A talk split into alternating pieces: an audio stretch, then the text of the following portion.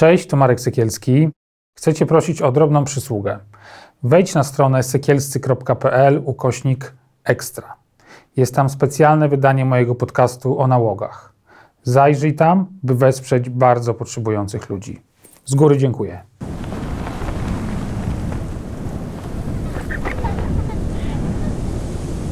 Ten program oglądasz dzięki zbiórce pieniędzy prowadzonej na patronite.pl ukośnik sekielski. Zostań naszym patronem.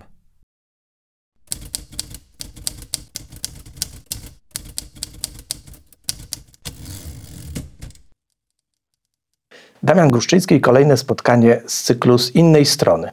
Na początek, jak zawsze, podpowiedź. Aby dotrzeć do wszystkich y, materiałów, które są nagrywane tutaj w Sekielski Brothers Studio, wystarczy zasubskrybować kanał na YouTube. To jest jedna droga. Druga droga, wystarczy zasubskrybować kanał na Spotify. Trzecia droga, wystarczy zasubskrybować stronę internetową, włączając przycisk włącz powiadomienia na stronie Sekielski, sekielscy, przepraszam, .pl. Tam znajdą Państwo wszystkie rozmowy, w tym wszystkie moje rozmowy, w tym także tą dzisiejszą, którą przeprowadzę no, z osobą, która, która bardzo mi zawsze imponowała. Z osobą, który, z którą bardzo lubiłem współpracować i bardzo lubię współpracować, z którą zrealizowaliśmy nie zliczę ile projektów edukacyjnych w branży farmaceutycznej. Och, to złe słowo. Moim gościem jest y, dzisiaj psycholog, absolwent Uniwersytetu Gdańskiego, ale również y, trener biznesu, konsultant, y, człowiek wielkiej wrażliwości na to, co się w organizacjach dzieje. E, tak, czekają Państwo na nazwisko. Moim gościem jest dzisiaj Wojciech Hera. Dzień dobry. Cześć Wojtku. Cześć, bardzo mi miło. Wreszcie Dziękuję jesteś, za zaproszenie. wreszcie jesteś i siedzisz tutaj e, u mnie, a nie pracujemy do późna w nocy nad jakimiś pomysłami, w jaki to sposób przeorganizować jakąś organizację. E, zapomniałem coś jeszcze powiedzieć. Wojtek Hera prowadzi także bardzo, bardzo ciekawe, warto, polecam także, tak jak poleciłem, wszystkie rozmowy na naszym kanale, prowadzi e, piękne podcasty w serii Life's Good. Bo życie jest dobre. Mhm. To jest właśnie cały Wojtek. To, to jest, tak jak powiedział, jak znalazłem ten tytuł, to powiedziałem tak, to mógł tylko Wojciech Hera wymyślić. E, Wojtek, ja się tak zawsze zastanawiałem, czy młody Wojtek Hera wiedział od razu, czym się zajmie w przyszłości. I tak i nie. Wiesz, że ja myślę sobie, że jak patrzę na tym, kim był Wojtek Hera, e, na jakby, czyli facet o bardzo dużej potrzebie autonomii, pewnie dużej wrażliwości, e, gigantycznej potrzebie niezależności, to on nie wiedział pewnie, co będzie robił, ale będzie wiedział, jak będzie robił. E, I to jak czyli życie na własnych zasadach, jest chyba tym, co, co jest ważne tak, dla mnie. I teraz jakbym odpowiedział na pytanie Wojtek Hera, przed, przed ten mały, przed bardzo wiele dróg. E, no, po pierwsze wychował mnie sport, więc jakby ten element sportowy był zawsze ważny w E, w moim życiu. Z drugiej strony wychowała mnie subkultura. Ja byłem to deklarowanym pankrokowcem, w związku z czym ten element też był istotny i to jest pewnie o tyle ważne, bo to trochę pewnie chyba, chyba jest ze mną do dziś w takim rozumieniu z jednej strony ta wieczna rebelia i wieczne faktycznie mówienie o tym, że punk not dead i jesteśmy takimi chodzącymi rebeliantami, a z drugiej strony robimy to razem tak? Bo dla mnie ideą subkultury jednakże są koledzy, jest y, towarzystwo, jest pewna łącząca nas no, pomysł na życie. Tak? I, i, to, I to chyba było, było to, a później, później zupełnie przypadkiem. Znaczy, psychologia jest dla mnie absolutnie elementem y, totalnie przypadkowym, e, w takim sensie, że no, studia na Uniwersytecie Gdańskim psychologii były po prostu łatwe. I ja wiedziałem o tym, że, że one będą łatwe, bo jak wybierałem studia, to jednym z kryteriów było ilość e, ilość zajęć na, e, czy też godzin w tygodniu na roku. Pankowe kryteria. E, więc na psychologii nie było tych godzin dużo. Moi rodzice strasznie chcieli, żebym ja poszedł na Politechnikę. Ja na nieszczęście się dostałem. W sensie poszedłem na egzaminy, dostałem się i, i miałem do wyboru albo pójść na Politechnikę, albo pójść jednakże na psychologię. Wybrałem psychologię. Myślę sobie, że to, e, to dobry, e, dobry wybór. Nawet ostatnio wspominaliśmy te czasy, bo, bo widziałem się ze swoją pierwszą żoną, e, z którą razem studiowaliśmy, poznaliśmy się na roku więc wspominaliśmy jakby czasy pięknego, e, pięknego studiowania, więc to wiesz, no to, to są takie elementy pewnie dość istotne, tak? Znaczy jak, jak, jak robisz, do, dokonujesz tego wyboru, to nie wiesz, co będziesz robił po tych studiach, wiesz, co będziesz robił e, rozwojowo i to chyba było spójne, więc jeżeli miałbym odpowiedzieć na pytanie, to, które zadałeś, czy Wojtek Hera wiedział, co będzie robił? Myślę sobie, że wiedział, że będzie chciał żyć na własnych zasadach. Myślę, że wiedział, że człowiek będzie dla niego ważny. Eee, I chyba tyle, no. I to jest chyba o tym. A kiedy odnalazł Wojtek bądź Wojciech Hera tą Kogo? drogę? Ojejku, to, to jest trochę tak, że dzisiaj pewnie dużo, jakby siedząc w procesach rozwojowych, ale również we własnych procesach, nazwijmy to samoświadomościowych, ja sobie szukam tego pytania. Ja sobie A. bardzo często zadaję tego pytania, że to był ten moment, kiedy siedziałem sam w pokoju i składałem klocki Lego, które kochałem składać, absolutnie uwielbiałem składać. Ten moment jakby tworzenia, co było istotne dla mnie, Lego dla mnie nie było projektem opartym o instrukcję. Znaczy mimo tego, że dostawałem jakby za każdym razem i to pierwsze złożenie było nudne, bo trzeba było złożyć według instrukcji i pokazać rodzicom helikopter lub inny domek lub e, to były czasy jeszcze, kiedy kosmonauci mieli ten pęknięty kask, więc jakby, więc trzeba było pokazać ten, ten, ten oryginalnie złożony projekt, a później był to, to ten cudowny moment, kiedy można było go rozwalić i zacząć jakby powiedzieć sobie, dobra, to teraz mam ten cały zasób w postaci klocków i będę sobie budował swoje miasta, swoje historie. I to, i to, i to było chyba trochę ten, o tym, że dokładnie musi być na moich zasadach. To był ten moment, kiedy odkrycie, że świat można kreować po swojemu, że można go tworzyć, że można go, e, że można go rozwijać. Z drugiej strony na szczęście, to jest, to jest ważna rzecz, moja mama pozwalała nam prowadzić otwarty dom. Znaczy w takim sensie, że mieliśmy mieszkania, się wychowałem na Gdańskiej Zaspie, w blokowisku, do którego zawsze przychodzili wszyscy koledzy. Tak znaczy jakby absolutnie był taki moment, że jeżeli, nie wiem, padał deszcz, to wiadomym było, że się spotkamy w dwóch miejscach, albo spotkamy się na klatce schodowej. Później był taki moment, że za, zaadoptowaliśmy komórkę, e, w sensie e, część rowerową na to, żeby zrobić tam sobie klub młodzieżowy, ale zanim już to mieliśmy, to, to się, więc albo na klatce schodowej, albo u nas w mieszkaniu. I faktycznie było tak, że można było do nas przychodzić. I ten element jednakże tego, że e, mogliśmy być wśród, wśród, wśród ludzi, był pewnie istotny. Wiesz, jak pięknie mówisz obrazami? Naprawdę? Tak, mówisz obrazami, e, ponieważ mam taką troszeczkę inną i szerszą perspektywę tego, czym się zajmujesz. I zobacz, ten obraz, który przedstawiłeś, tych klocków Lego, e, które e, składasz na początku e, zgodnie z instrukcją, później widzisz, że można z tego zbudować w zasadzie coś zupełnie innego, nadając danym klockom czasami zupełnie inną rolę. Zobacz, jak to się pięknie wpisuje, wiesz w co, nie? W co? W to, czym się zajmujesz w organizacjach. To jest dokładnie obraz tego, czym się zajmujesz i jakie masz podejście do, do tego. No, wiesz co, no, jak, jak patrzę na organizację dzisiaj, czyli na swoją pracę konsultanta, to ona chyba trochę o tym jest. Znaczy, e, ja z jednej strony uwielbiam tę pracę według instrukcji, w takim sensie, ale tylko poznawczą. Znaczy, uwielbiam przyjść do organizacji i powiedzieć, dobra, powiedzcie mi, jak wy to widzicie, powiedzcie, jakie wy macie dokumenty fundamentalne, tak? jaką macie misję, wizję, wartości. Opowiedzcie o tym, jak wy to widzicie. To jest ten obszar jakby e, organizacyjny pod tytułem porozmawiajmy o waszych instrukcjach. Ale chyba najbardziej lubię ten moment, dobra, gdybyśmy to zrobili inaczej. Znaczy, gdybyśmy w takim razie teraz wykorzystali te zasoby, które są. być Rozwalmy może- ten helikopter. Rozwalmy ten helikopter i zbudujmy na nowo.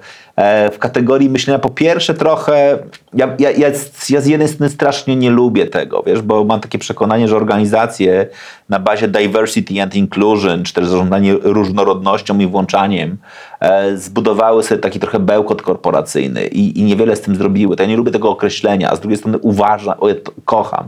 Ja kocham różnorodność, ja kocham pamiętanie o tym, że ludzie są różni i to dobrze, że dobre zespoły się buduje w oparciu o różnorodność, że dajmy ludziom przestrzeń na to, żeby pracowali właśnie w tych swoich własnych zasadach, według własnych reguł. Oczywiście z poszanowaniem jakby, e, jakby innych osób, z dbałością o relacje, to to jest coś, co jest dla mnie szalenie istotne. I dzisiaj jest taki w ogóle świat, który ja pewnie w ogóle bardzo cenię sobie z perspektywy konsultanta, E, Ja kocham świat, pewnie, bo moglibyśmy o tym w ogóle rozmawiać sobie, ale ten świat pokowidowy, czy też mam nadzieję, że już pokowidowy, a właściwie na pewno po rewolucji covidowej, bo to jest moim zdaniem, o tym wa- warto mówić z perspektywy organizacyjnej, więc e, uwielbiam ten świat, w którym pojawia się wrażliwość na relacje. Ilość projektów dotyczących w ogóle zarządzania relacjami, które mam w ostatnim czasie, jest nieprawdopodobna. E, ilość projektów dotyczących zarządzania wo- wrażliwością, emocjami w organizacji, a za nimi wszystkimi stoi jedna rzecz, znaczy jedna rzecz pod tytułem OK, to skoro ludzie są różni, to zacznijmy budować, że z jednej strony mamy tę instrukcję i mamy ten zestaw klocków, a z drugiej strony składajmy je na własnych zasadach, wyciągając e, z każdego elementu to, co najlepsze w różnych konfiguracjach i, i to jest chyba piękne. Ja, ja, ja lubię to robić. To widać, że lubisz to robić i, i sam doświadczyłem tego, że lubisz to robić. E, Powiedziałeś o tym czasie, który jest teraz, prawda? Po, tak można powiedzieć, po covidowej rewolucji, po covidowy szok. E, 20 lat temu na mniejszą skalę, na dużo mniejszą, nie, nie globalną, ale też jakby doświadczyliśmy e, zupełnie nowego pojmowania ludzi. I ty w jakiś sposób w naszym kraju w tym wziąłeś udział. Wiesz o czym mówię? Niech zgadnę. E, Tak, ty, ty byłeś e, konsultantem w e, przypadku dobierania osób do pierwszej i drugiej edycji e, Big Brothera. Tak. No i to było rewolucyjne też przedsięwzięcie. Ojej, ale widzisz, I, no, i, ale wiesz co, zadam pytanie. E, jakie były wtedy kryteria i jak one wyglądałyby dzisiaj? Załóżmy, że dzisiaj e, musiałbyś też taką selekcję, bo to była selekcja w pewnym sensie, przeprowadzić. Jak widzisz, jak świat się zmienił, Wiesz, Jak- to nie jest to się- tak. To nie jest tak, że chyba dzisiaj chyba powiem pierwszy raz coś, e, o czym nie, nie wiem, czy kiedykolwiek publicznie mówiłem, ale jeśli chodzi o program typu Big Brother, no to, to po pierwsze jest program rob, robiony według jasnego formatu. W związku z czym jak przyjechałem pierwszy raz spotkać się z Maciejem Amanowiczem, czyli pi, pierwszym producentem programu i reżyserem, z Mike'em Morleyem, czyli z wtedy e, szefem e, Endemol Neovision w Polsce, czyli firmy produkującej Big Brothera i z konsultantami holenderskimi, to siedliśmy w sali konferencyjnej, a oni na stół rzucili Bible Book, czyli Biblię programu, w którą jak zaczęliśmy czytać, to tam jest jasno określone, jakie zachowania mają się pojawić w domu Wielkiego Brata. Znaczy jakby to zakłada format. Format zakłada, że musi być, nie wiem, silna, silna męska przyjaźń, że musi być konflikt pokoje, leń, że musi być romantyczna miłość. Te elementy są założone. Znaczy generalnie na koniec dnia. I teraz to nie są oczywiście jakby jakieś takie elementy, które, które powodują, że zaraz ktoś nam powie, ale to był reality show, w związku z czym on jest nieprzewidywalny. No to nie jest, no reality show jednakże jest reality show telewizyjnym, w związku z czym my chce, wiemy, co wywołuje emocje, więc musieliśmy pod to dobrać ludzi. I to było piękne, bo jak sobie na to dzisiaj patrzę, byłem wtedy bardzo młodym facetem, dostaliśmy bardzo dużo autonomii w kategorii dobra, możecie naprawdę w pewnym sensie niezależnie, e, niezależnie wybierać.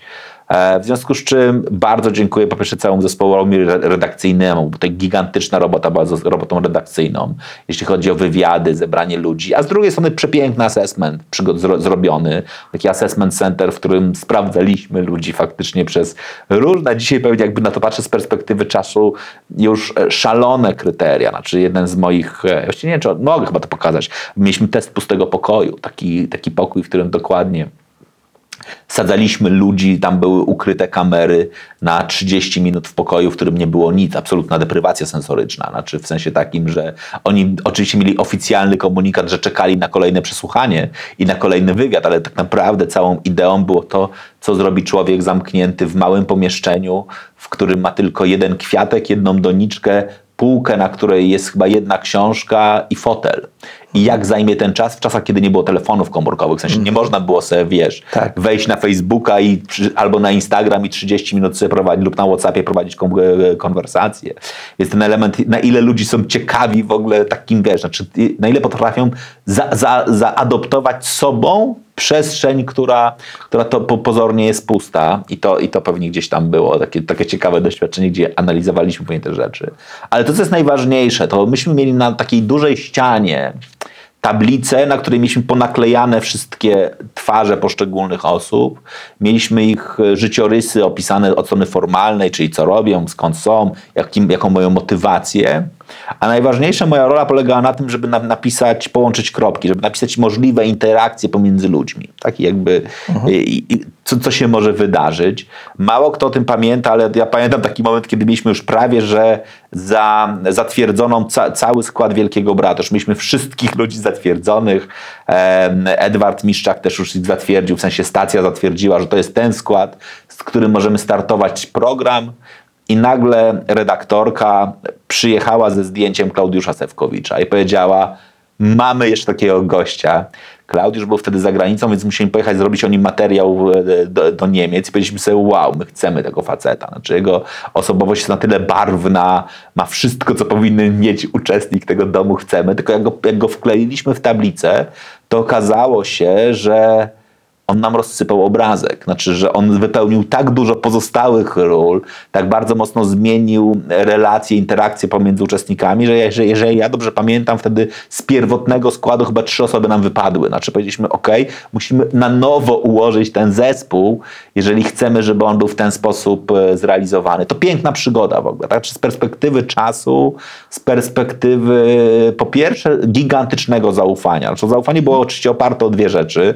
Po pierwsze o strach, znaczy myśmy nie wiedzieli, co my, na, co my, na co my się piszemy. Znaczy, nikt z nas nie miał bladego pojęcia, co się wydarzy pierwszego dnia, kiedy zamkniemy Sękocin i powiemy, dobra, to teraz robimy pierwszą emisję odcinka. My wiedzieliśmy, że e, widzowie będą zainteresowani, że ten program zmieni rzeczywistość. Nie mieliśmy bladego pojęcia, że on tak bardzo zmieni rzeczywistość. Wiedzieli, mieliśmy dane oczywiście, tak, że na pozostałych rynkach europejskich to tak samo się działo, że, że ten program jest rewolucyjny. Natomiast z perspektywy dzisiejszych mediów. Ja ostatnio byłem na takiej dużej konferencji Scena Jutra, gdzie rozmawialiśmy sobie w ogóle o przyszłości mediów i w ogóle wydarzeń filmowych. I e, my dzisiaj bardzo dużo o tym rozmawiamy w całym świecie eventowo-konferencyjnym, kongresowym, jak będzie wyglądała scena przyszłości.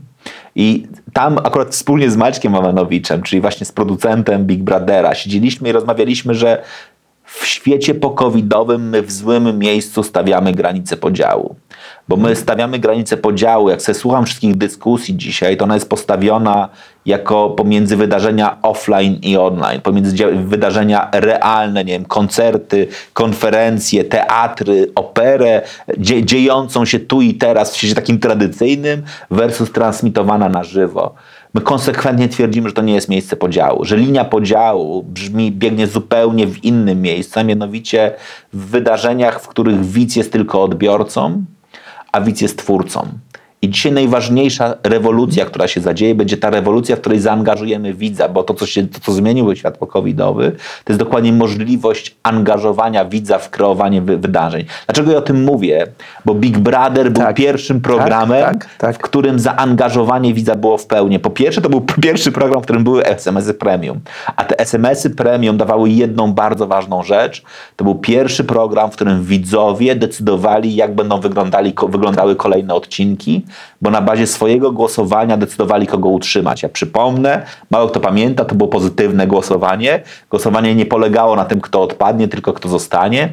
Czyli mieszkańcy domu Wielkiego Brata nominowali dwie osoby do opuszczenia, a widzowie mieli prawo uratowania jednej z nich, która została z nimi dalej i mogła dalej tworzyć, tworzyć program. I jak dzisiaj na to patrzymy, tak, w ogóle z perspektywy tego, jak bardzo, jak bardzo to zmieniło media. Zmieniło totalnie. Znaczy, ten moment, w którym widz staje się rzeczywistym twórcą, staje się pewnego rodzaju y, no, reżyserem tego, co się będzie dalej działo. bo. Współ, tak, i, i, to, to, i on to może robić, to, to, jest, to, to jest absolutnie przepiękne. Ja powiem ci o, i ci o tym wiesz, no to jest taki temat, który tak naprawdę chyba wszyscy powinniśmy sobie zadać. Ja jestem zaangażowany, nie wiem, w projekty edukacyjne, tak, bo to jakby w edukacja dzisiaj ma bardzo dużą takie, taki mo, mo, jakby lekcje do odrobienia, mówię szczególnie tej edukacji formalnej, czyli szkołach, zarówno podstawowej, średniej, jak i później wyższej, żeby zaakceptować, że może najwyższy czas jest powiedzieć na tym, że student czy uczeń nie jest tylko materią, która ma chłonąć to, co my mamy mu do przekazania, tylko jest absolutnym twórcą, Tak. który ma prawo oceniać, który ma prawo wybierać, który ma prawo podejmować decyzje, na które zajęcia chce chodzić, na które nie chce chodzić, który ma prawo zmieniać rzeczywistość, tak? I, i myślę sobie, że dzisiaj to jest bardzo duże taki, takie napięcie powstało. To napięcie dokładnie, które no, no widać wszędzie. Tak? Znaczy widzimy, bo ciągle zadajemy sobie pytanie, co, co dalej ze szkołą. E, wszystkie e, jakby elementy związane z edukacją domową. Edukacja domowa nie miała takiego, takiego boomu, takiego rozwoju nigdy wcześniej. Znaczy mamy e, ilość osób przechodzących na edukację domową rośnie w, w geometrycznym tempie. Znaczy jakby każdego jednego dnia ludzie decydują się, żeby zabierać dzieci z edukacji formalnej.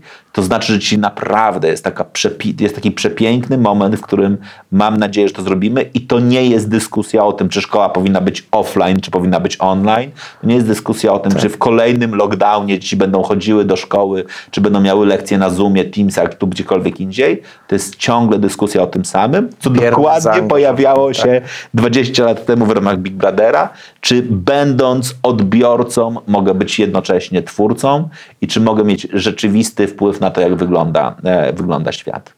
To było bardzo trudne, żeby tak naprawdę zaprogramować e, potencjalne scenariusze, wszystkie, które mogą się wydarzyć. Prawda? To, to, to była ta doza niewiadomej, o której mówiłeś, że nie wiedzieliście, co się Nie wiedzieliśmy, co Co się, się wydarzy. wydarzy. choć oczywiście z drugiej strony też trzeba pamiętać jako twórcy, czy jako osoby odpowiedzialnej mieliśmy okazję na to trochę wpływać. Tak jednak, że mieliśmy dwa podstawowe narzędzia wpływu. Pierwszym narzędziem wpływu było, było narzędzie w postaci zadania.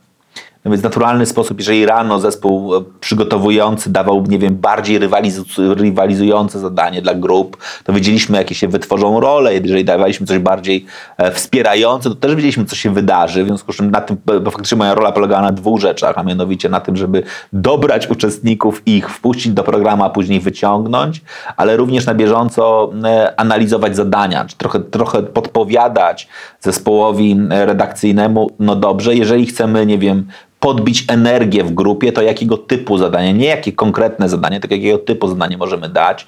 Czyli, czyli jeżeli to nie ma być element nie wiem, rywalizujący, to, to, to zróbmy, nie wiem, upraszczając, e, zgodnie da, dawny teleturniej typu, nie wiem, bie, e, bitwa miast, to nie wiem, bie, biegajmy w workach i nośmy jajko, jajko, na, jajko na łyżeczce, ale generalnie zróbmy coś, co, co sprawi, że się pojawią emocje. Jeżeli chcemy to podbić bardziej, to dajmy ludziom, nie wiem, e, nagrodę taką silną, e, która spowoduje fa- prawdziwą rywalizację. A jeżeli na koniec chcemy dać kontrę, to powiedzmy, że teraz ta, teraz ta nagroda jest nagrodą, którą mają przekazać drugiej drużynie. Tak? I, jakby, I to były rzeczy, które jakkolwiek dzisiaj trochę można sobie powiedzieć, e, że Zarządzalne. e, były zarządzalne. Oczywiście to też, to też oczywiście jakby miało dru, drugie konsekwencje, tak? No, że nie wiem, całe polskie towarzystwo psychologiczne się bardzo negatywnie wypowiadało, że mówili, że robimy eksperyment na żywych ludziach.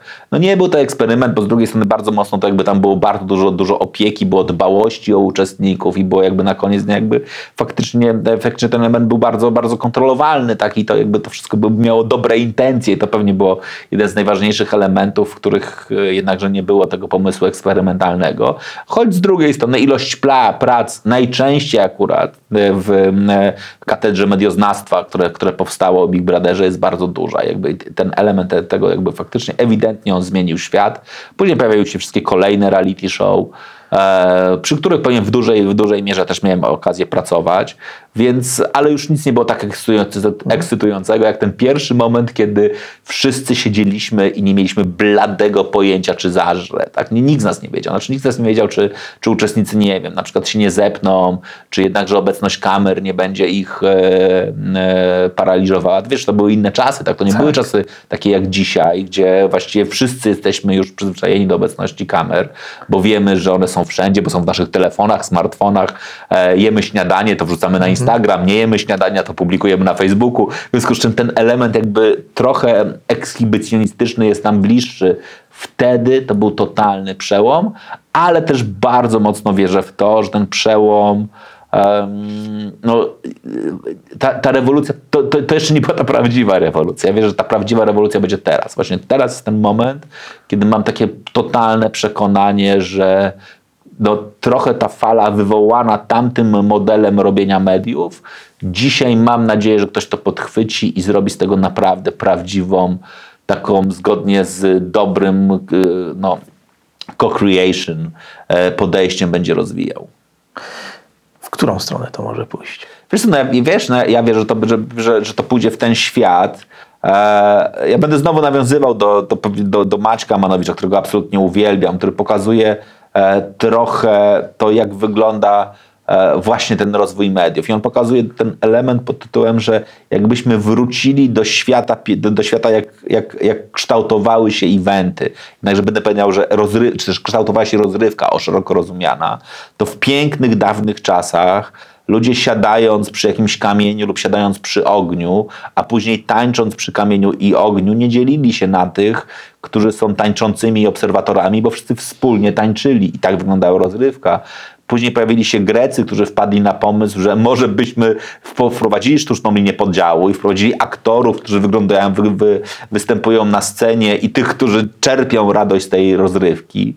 Później to się przerodziło w różne inne formy rozrywki, od teatru antycznego przez igrzyska, e, koloseum i wszystkie inne rzeczy z tym związane. No a finalnie Później pojawiło się już jako, jako konsekwencje tego dokładnie teatry, opery, ale również koncerty i telewizja, która tak naprawdę jest tym samym, tylko że ta scena jest trochę bardziej, e, bardziej zaawansowana i bardziej technologicznie rozmyta. No i ja wierzę, że dzisiaj wrócimy do tych czasów siedzenia przy tym wspólnym ognisku i ogniu, czyli faktycznie wspólnego bawienia się, tyle tylko, że to będzie globalna wioska. Znaczy ja wierzę, że my zaczniemy produkować treści na poziomie faktycznie zarządzania jakby rozrywką, które będą po pierwsze globalne, czyli ludzie z całego świata będą mogli nam dostarczać i w jakiejś formie content. One będą oczywiście agregowane przez jedną, nazwijmy to stację, czy też y, twórcę, czy to będzie Spotify, czy to będzie Netflix, czy to będzie ktokolwiek inny, który będzie tym zarządzał i będzie dodawał tego pewien rys,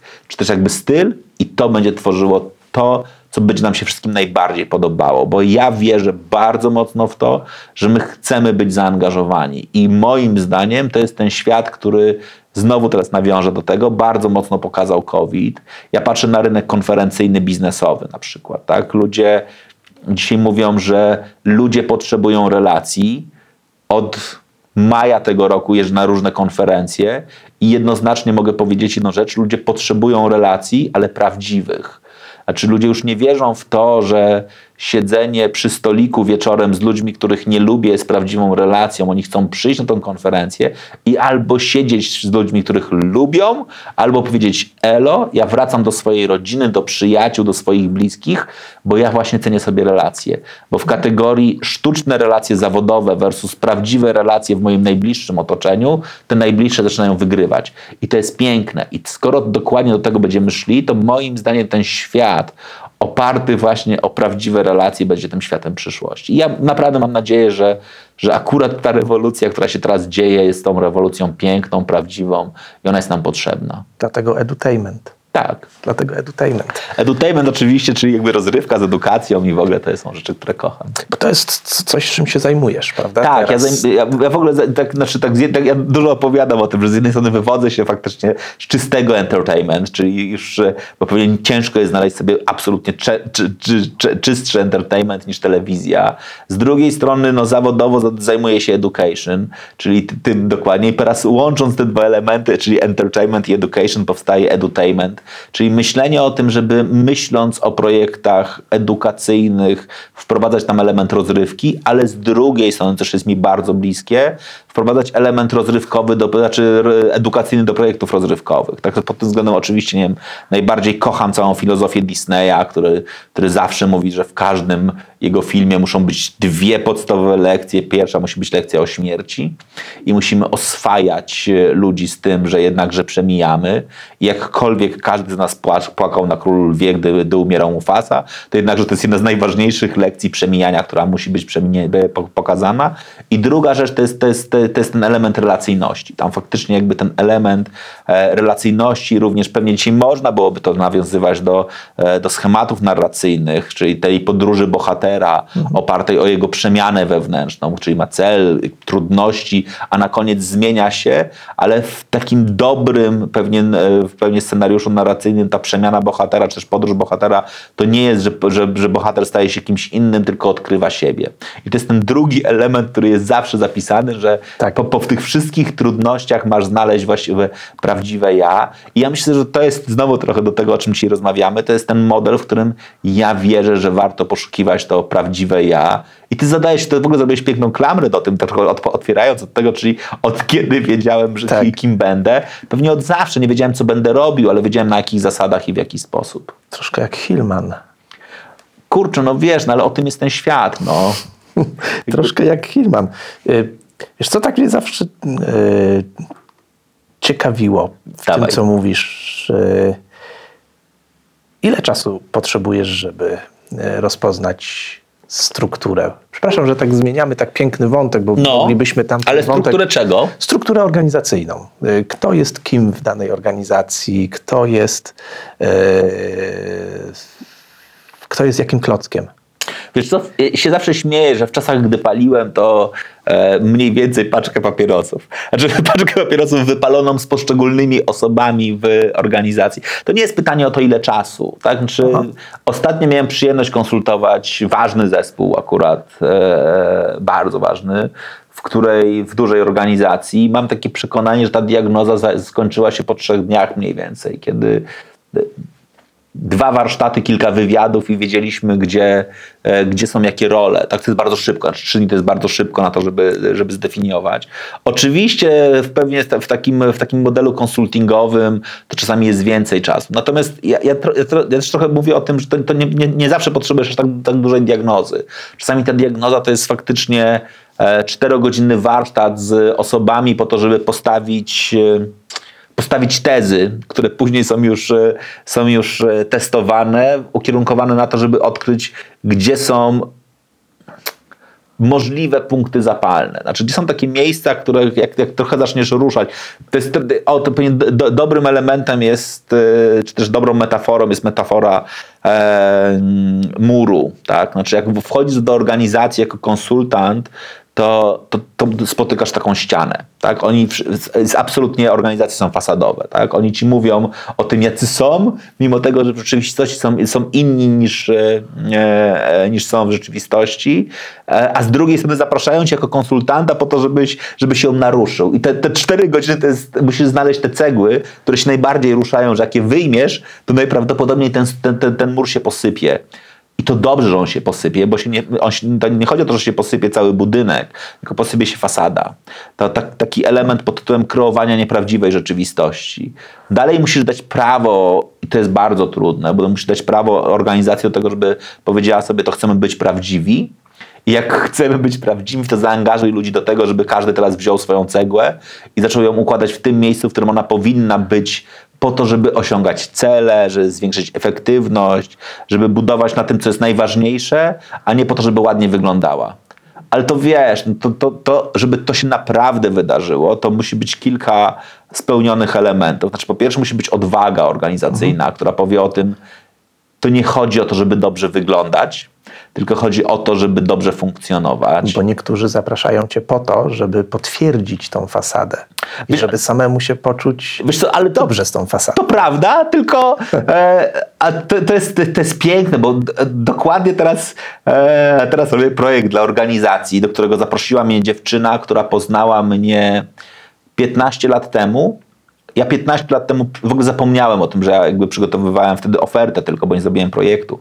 E, ale ona wtedy była no, młodą osobą w HR-ze, była na spotkaniu e, z klientem i ten klient opowiadał mi dokładnie o tym, co, e, co chce i ona, ona dokładnie zapamiętała i mnie zaprosiła do projektu, będąc już w zupełnie innej organizacji, na zupełnie innej rzeczy i mi przypomniała, to powiedziała, że bo ja pamiętam, jak ty wtedy spojrzałeś na prezesa i powiedziałeś, to skoro jest tak dobrze, to po co mnie chcecie? E, I chyba jest ten moment, w którym dzisiaj już trochę krąży za mną ta legenda, której nie zaprzeczam, bo ona jest prawdziwa. E, Że jak ja przychodzę do organizacji, to najczęściej po to, żeby poruszyć tę fasadę. Więc ja już chyba naprawdę nie przychodzę po to, żeby potwierdzać i klepać po ramieniu i mówić, że robicie to dobrze i róbcie tak dalej, tylko po to, żeby przyjść i jednakże znaleźć te cechy. I to nie znaczy, że od, od razu trzeba, trzeba zburzyć cały mur, bo czasami faktycznie to jest, to jest element tylko i wyłącznie poruszenia, pokazania i powiedzenia, ej, dobrze, to ta fasada jest nie najgorsza, tylko macie trochę ubytków. To też da się, to też da się zrobić. Ale no, z drugiej strony, no, jakby nie patrzeć, e, dzisiaj organizacyjnie wszystkie rzeczy fasadowe, które działały jeszcze dobrze dwa lata temu, dzisiaj nie działają. Znaczy dzisiaj po prostu jakby ten, ten element jednakże tej rewolucji pokowidowej jest na tyle silny, że chyba musimy już y, przyjrzeć się organizacjom w tych prawdziwych fundamentach, a te prawdziwe fundamenty zawsze będą fundamentami relacyjnymi. Tak? No i one, i one są trudne. No. I do tego jest potrzebna odwaga, tak jak zacząłeś, bo tak cię w- wpuściłem w tą piękną opowieść. No. E, do tego jest potrzebna odwaga, bo zacząłeś wymieniać. Co jeszcze do tego jest potrzebne w organizacji? jest, jest potrzebna odwaga w organizacji, ale odwaga w organizacji do tego, żeby w ogóle sobie odpowiedzieć na pytanie trochę, czy my jesteśmy gotowi się zmierzyć z tym, kim jesteśmy. I to ja o tym, o tym też chciałem powiedzieć. Po drugie, oczywiście jest potrzebna wizja, tak? Znaczy wizja, która jest, o, o, która jest trochę odpowiedzią na pytanie, gdzie chcemy być w przyszłości, tej prawdziwej przyszłości. My to, to często jakby pokazuje na takiej, na takiej na takim przykładzie, który jeszcze znam z dawnych, dawnych czasów, gdy byłem w Achieve Global, czyli dużej międzynarodowej organizacji szkoleniowej, w której często braliśmy uczestników na warsztacie strategicznym. Jak zaczęliśmy warsztat strategiczny, stawaliśmy dwa, dwa krzesła między, obok siebie i prosiliśmy, na jednym pisaliśmy bieżączka, na drugim pisaliśmy strategia.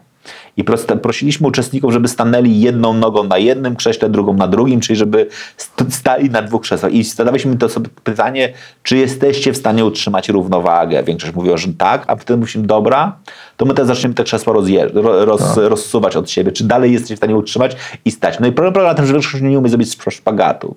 I kłopot polega na tym, że większość ludzi w momencie, gdy im się rozjeżdża bieżączka, czyli to, co mamy do zrobienia dziś, ze strategią, przeskakuje na jedno krzesło, zgodnie z tą podłoga to lawa. Problem polega na tym, że najczęściej prze, przeskakujemy na, na, na, na krzesło bieżączka. A to kompletnie nie o to chodzi. Znaczy chodzi dokładnie o to, żeby przeskoczyć świadomie na krzesło strategia. I dzisiaj jest tak, że przez dwa lata my bardzo mocno byliśmy zaangażowani w bieżączkę, taką totalną i nikt nie zadał sobie pytania, jak będzie wyglądała strategia. Ci organizacje pytają sobie o to, jak będzie wyglądała strategia. Zadają- sobie ludzie pytanie, co robić w przyszłości, jak będzie wyglądał ten świat w przyszłości. Ja nie znam odpowiedzi na to pytanie. Ja znam odpowiedź na pytanie, ja znam pytania, które trzeba sobie zadać, też umiem zadawać te pytania, które pozwolą je określić. Ale jednocześnie absolutnie wierzę, że dzisiaj jest ten moment, kiedy w organizacjach musimy się naprawdę zrobić sobie rachunek sumienia i powiedzieć, dobra, nasza fasadowość na pewno nam w tym nie pomoże, musimy ją zburzyć. Więc drugi element to jest wizja, jakby pomysł na to, żeby być strategiczny, a ostatni element to jest zaufanie. I to jest zaufanie takie, takie naprawdę głębokie zaufanie. I to nie chodzi o to, żebyśmy, nie wiem, tylko i wyłącznie mówili sobie, że mamy dobrych ludzi, że pozwolimy im trochę e, trochę pracować według tych własnych reguł, tylko to jest, ja często podkreślam, że ja wierzę, że są trzy składniki zaufania, to jest wiara w dobre intencje, prawo do popełniania błędów i akceptowanie i czerpanie z różnic. I te trzy elementy, jeżeli są głęboko wdrożone, czyli my naprawdę wierzymy, że wszyscy dookoła, którzy są w naszej organizacji, chcą dobrze i to jest ta wiara w dobre intencje. Po drugie, cieszymy się, jeżeli się na czymś wywalimy, zbijamy piątki, błędy są ok, nie karamy za nie, wspieramy, ale najważniejsze, że akceptujemy i czerpiemy z różnic. Czyli mamy dokładnie przekonanie, że każdy z nas jest takim małym rebeliantem, że każdy z nas może inaczej podchodzić do problemu, do wyzwania, inaczej radzić sobie z emocjami, o innej godzinie wstawać i o innej kłaść się spać. I dzisiaj chcemy to wykorzystać, powiedzieć, dobra, będziemy budowali organizację opartą o taką naprawdę pełną różnorodność, zaczynamy wygrywać. I teraz trochę, wiesz, od, nawiązując, znowu robiąc klamrę, no nie wiem, do Big Brothera, no to Big Brother pierwszy szczególnie, drugi, zresztą dobra, każdy kolejny, tam najważniejszym fundamentem było diversity, znaczy był element pod tytułem wszyscy są różni i na tej różnorodności zbudujemy ładny program. Jak dzisiaj patrzę sobie często na takie niektóre programy typu reality show, które są budowane, to tam one dlatego są moim zdaniem obrzydliwie nudne. Z jednego prostego powodu mam takie przekonanie, że producenci często idą, w, idą według kalki pod tytułem zbudujmy zespół z samych mistrzów, zróbmy samych ładnych ludzi, e, z, zróbmy ludzi maksymalnie podobnych do siebie według tego jednego typu, który, który nam się raz sprawdził. No i to powoduje, że poszczególne e, nie ma emocji, nie ma relacji i to wszystko staje się no jakby nie takie, jak powinno być. No. Pięknie mówiłeś o tym, co jest teraz, dzisiaj, jak, jak jest duża potrzeba zmiany. Yy, I, I, pamiętam taką jedną Twoją piękną opowieść yy, związaną z Twoją pasją, związaną z surfingiem. Mhm. Jak to tak naprawdę wygląda i jak, co się dzieje w trakcie surfowania. Bo to, co się dzieje w trakcie surfowania, zostawię Tobie do opowiedzenia. Okay. Nikt lepiej nie opowiada tej historii o paddle. Jak to się przekłada na to, co teraz się wydarza. I to wszystkie elementy, które Państwo wysłyszeli w tej e, rozmowie, e, w której przyznają Państwo, że jest dużo nadziei. E, jest mało utyskiwania, jest dużo myślenia life's good. Mhm jak pięknie się w tym obrazie też e, e, zamykają. Dlaczego, co, czego można się nauczyć od surferów względem tego, co nastąpiło półtorej roku temu i względem tego, o czym mówiłeś, o tej rewolu rewolucji po, po, po covidowej? Wiesz co, okej, okay. to ja powiem, zacznę od dwóch rzeczy. Po pierwsze, to jest trochę, to faktycznie wprowadzając to dla tych, którzy nie pływają na desce albo którzy nigdy nie próbowali to ludziom się wydaje, że surfing to jest to, to, co widzimy na, na filmach, czyli takie pływanie w tunelu, czy też pływanie na dużej fali. Guzik, prawda, surfing to jest sport oczekiwania. Trzy czwarte czasu na surfingu ty albo starajesz się wypłynąć za przybój, czyli wypłynąć za falę, a drugą część siedzisz i czekasz na falę, czekasz aż fala przyjdzie. I jak już pojawia się ten moment, że czujesz, że idzie fala, to wszyscy oczekujący rzucają się na deskę, zaczynają paddle, paddle, paddle, czyli wiosły i wiosły, wiosły, rozpędzają deski, no i no i popłyną tylko niektórzy. E, ci, którzy dokładnie zdążą stanąć na desce w momencie, w którym pojawi się fala. Ja często podkreślam, że fala przychodzi dla wszystkich, łapią ją ci, którzy są przygotowani. I ten element dokładnie surferski jest trochę o tym, że zmiany, które się dzieją, dotkną nas wszystkich a na tych zmianach popłyną ci, którzy będą przygotowani. I dzisiaj chyba warto jest w ogóle myśleć o tym, żeby się przygotowywać na nadchodzące zmiany, bo tych zmian jest znacznie więcej, tak? Są jednakże zmiana technologiczna, która idzie gigantyczna, znaczy nie, nigdy nie mieliśmy tak, tak szybkiego rozwoju cyfryzacji i digitalizacji, jak, jak w tej chwili i ona bardzo mocno zmieni nasze, nasze funkcjonowanie, nasze życie. Znaczy temat, który nie wiem, nam bliski, czy też tobie najbardziej w ogóle bliski, czyli całej medycyny, no to o telemedycynie mówiliśmy ostatnie 20 lat. I o 20 lat mówiliśmy o niej jak o bajce o żelaznym wilku. I nagle z dnia na dzień ona stała się totalną rzeczywistością. Mhm. Tak? I jakby dzisiaj ilość danych medycznych, która jest dostępna, jest potężna. Zawsze będę mówił, że mnie, moja opaska wie o mnie więcej niż, nie, niż jakikolwiek e, lekarz. Tak. Po prostu ona ma, ma zna wszystko, o której poszedłem spać, o której wstałem, co robiłem, robi cały wywiad codziennie ze mną. Jeżeli mam, sobie, mam w sobie gotowość dotyczącą tego, że ilość pytań, która mi zadaje w aplikacji, ja na nie odpowiadam, no to na koniec dnia, jak idę do, do lekarza, oprócz tego, że nie muszę iść, wystarczy, dam mu dostęp do całej mojej historii życia, to diagnostycznie on jest w stanie zrobić znacznie więcej niż kiedykolwiek w przyszłości. Pojawia się pytanie oczywiście, czy, czy aby na pewno powinienem iść do lekarza z krwi i kości, czy może powinienem pójść do algorytmu jednakże, który najpierw na bazie różnych innych opasek i trendów wyznaczy prawdopodobne scenariusze, żeby dopiero potem pojawił się lekarz z krwi i kości, który już mi zada te precyzyjne pytania i powie, że najprawdopodobniej mamy tutaj taki pomysł, czy umie mi pan to potwierdzić. I to są dane, które wiesz, to jest potężna rewolucja. I teraz ci, którzy będą tymi, którzy powiedzą, ok, moja rola jest pracą na, większej ilości danych, pewnie będą wygrywali. Ale to nie dotyczy tylko medycyny, to dotyczy każdego jednego aspektu naszego funkcjonowania. Tak, temat, który e, pewnie jest mi bliski, bo ja też dla motoryzacji, czyli nie wiem, zmian dotyczących nie wiem, samochodów, z jednej strony elektrycznych, z drugiej strony autonomicznych, z trzeciej strony pewnie dzisiaj w ogóle pytania, jak będzie wyglądał ten rynek. Rynek, który uwielbiam, czyli uwielbiam projekty już teraz te- trochę biznesowe, czyli cały ca- wszystkie projekty Second Life, czyli, czyli trochę zamykania i jakby praca w środowiskach zamkniętych. Teraz jesteśmy świeżo w sytuacji, w której IKEA powiedziała, że wprowadza projekt odkupimy twoje meble i będziemy je naprawiać i, i dawać do dalszej dystrybucji, czyli dokładnie jakby środowisko będzie e, w cyklu zamkniętym.